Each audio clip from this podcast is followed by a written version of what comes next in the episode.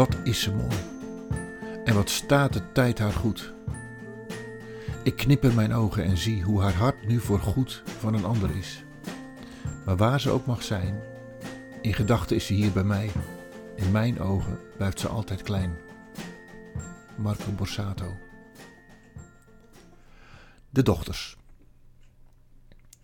Uh, het is misschien goed dat je de podcast nu even pauzeert en als voorbereiding op wat ik je ga vertellen, nummer 26 en nummer 27 is leest.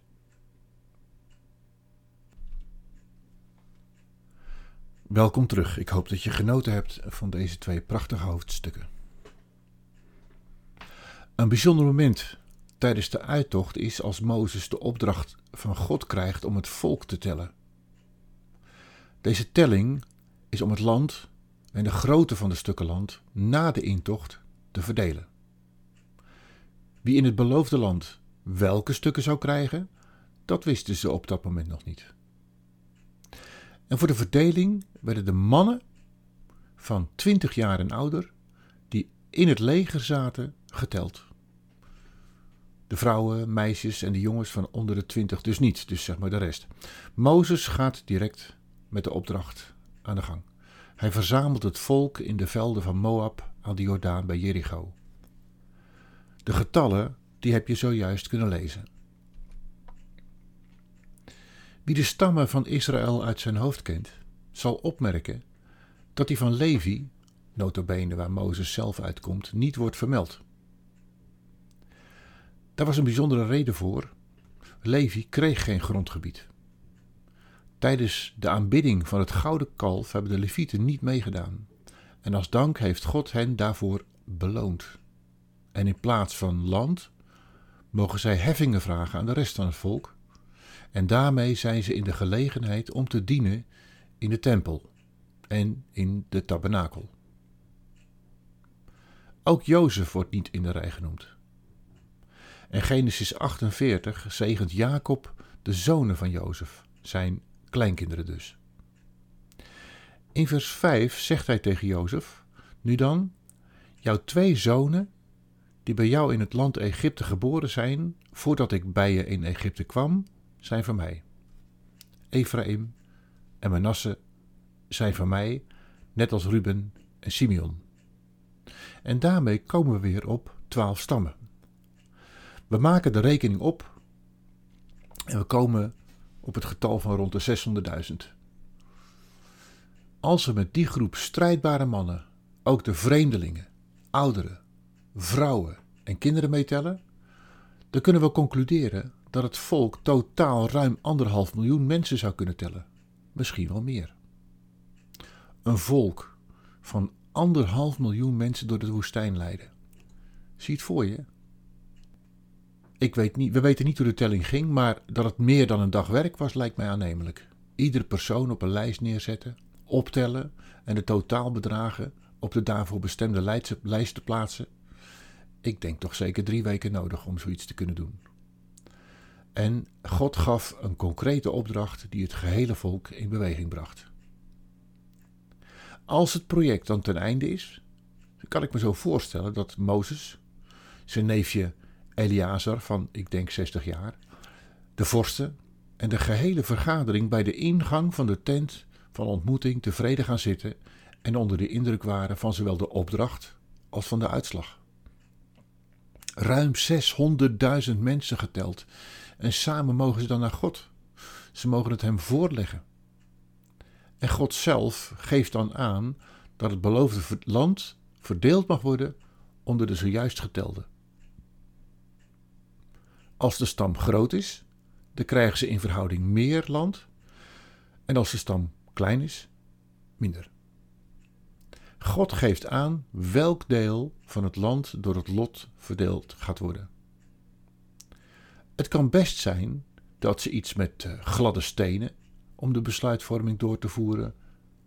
Het kan zijn dat er een soort loterij plaatsvond, bingo, lucifertje trekken, weet ik veel. We weten het niet. En als Mozes daar zo zit, met alle leiders van het volk, komen er plotseling vijf meisjes. Maagden, zou je ook kunnen lezen. Waarschijnlijk niet getrouwd, niet in het leger gezeten en, wie weet, jonger dan twintig. Ze staan te boek als nakomelingen van Manasse, de zoon van Jozef. Ze voldoen aan geen van de gestelde eisen die betrekking hebben op de telling. Even de namen van de dames: Magla, wat ziekte betekent, Noah, beweging, Hogla, patrijs, Milka, koningin, en Tirsa, gunstig gezind. Wat zouden de ouders gedacht hebben bij de geboorte van Magla, de eerste? Hadden ze er de ziekte in, dat het geen zoon was? Zie het voor je, vijf meisjes die voor Mozes, Eliazar, de leiders en de gehele vergadering staan en hun vraag stellen, zoals je ook gelezen hebt, onze vader is gestorven in de woestijn. Hoewel hij zelf niet behoorde tot de aanhang van hen die tegen de Heerde hadden samengespannen, tot de aanhang van Korach. Hij is, om het maar zo te zeggen, om zijn eigen zonde gestorven. Hij had echter geen zonen. Waarom zou de naam van onze vader uit het midden van zijn geslacht worden weggenomen, alleen maar omdat hij geen zoon had? Geef ons bezit te midden van de broers van onze vader. Nummer 27, 3 en 4. Wat zal er door de dames tijdens de telling heen zijn gegaan? Hebben ze met elkaar gesproken? We weten het niet, maar het lijkt dat ze hun kans zagen om de vraag te stellen aan Mozes. Tijdens de gesprekken met mensen heb ik met enige regelmaat gevraagd hoe zij denken dat Mozes zou reageren op deze vraag. De meeste reacties waren dat ze het verhaal niet kenden onder het motto: Staat dat in de Bijbel? Na enig denken kwamen ze dan tot de conclusie dat ze het niet wisten.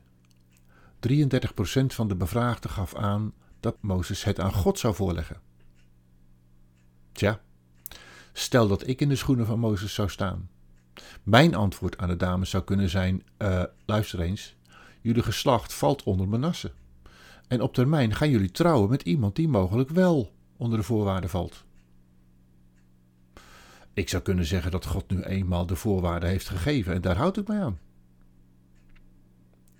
Het bijzondere aan de houding van Mozes is, denk ik, het geheim van een man Gods. Geestelijk leiderschap wil ik dat noemen.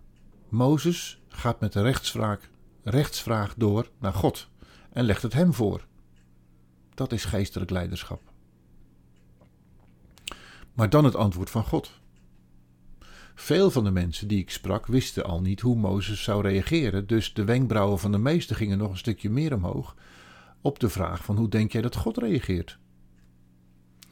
Jij hebt het antwoord kunnen lezen in nummer 27 vers 6 en verder.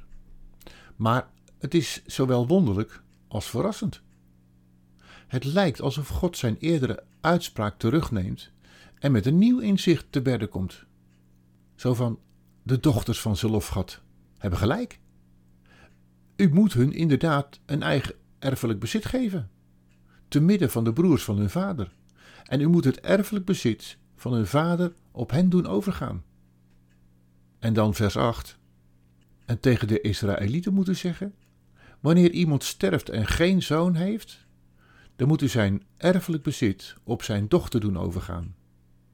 En als hij geen dochter heeft, moet u zijn erfelijk bezit aan zijn broers geven.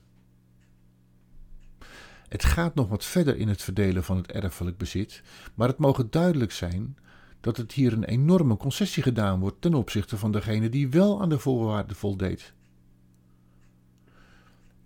Menselijkerwijs zou ik zeggen, had God dit niet van tevoren kunnen inschatten. Het had zomaar kunnen zijn dat de hele administratie over moest. Of dat Mozes in eigen ogen de opdracht letterlijk had genomen, dan had de inzettingen ook niet doorgevoerd geweest.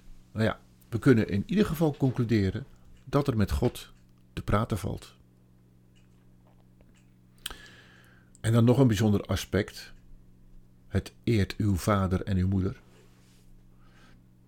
Dat deel van het verhaal gaat over de houding van de dames. Ze vertellen dat hun vader om zijn eigen zonde in de woestijn is gestorven. En met nadruk geven ze aan dat hij niet heeft meegedaan met de opstand tegen de heren in de situatie van Korach. Ze zuiveren de naam van hun vader, ze eren hem zoals het in de tien geboden is opgenomen. Eert uw vader en uw moeder. Ze kijken met respect terug. Maar ze kijken ook vooruit. Ze vragen ook een deel van het land waar nog om gevochten zal gaan worden. Wat ze niet weten is hoeveel ze gaan krijgen of, of welk deel. Sterker nog, het zou zomaar kunnen zijn dat ze het land nooit hebben gezien en dat hun nageslacht het pas heeft kunnen innemen. Met respect terugkijken en hoopvol uitzien. Ze zijn een onderdeel van het hele verhaal en durven tegen de opdracht van God in te gaan, zo lijkt het, maar verlangen ook meteen de belofte niet voor zichzelf, maar voor de volgende generatie. Overigens geven de dames in hoofdstuk 36 nog eens dunnetjes aan dat het hier alleen gaat om het erfrecht binnen de stam. Dat recht vervalt in hun voorstel als de vrouwen trouwen met iemand van een andere stam. De reactie van God. De stam van de nakomelingen van Jozef hebben gelijk. Dit is het woord dat de Heere met betrekking tot de dochters van Selafiat geboden hebben. Laten zij tot vrouw worden van wie goed is in hun ogen, als zij tenminste tot vrouw worden van iemand uit het geslacht van de stam van hun vader. Wat een doortastende vrouwen. En God? Er valt uit de hierboven beschreven geschiedenis te concluderen dat er met hem te praten valt. Nee, niet zomaar een eigen verhaal maken en denken dat het allemaal wel van God mag. Nee, het blijft God die soeverein is, de schepper van hemel en aarde. Dus blijft er niets anders over dan met diep respect naar Hem te kijken en te vertrouwen. Maar blijf met Hem in gesprek en weet dat Hij omziet.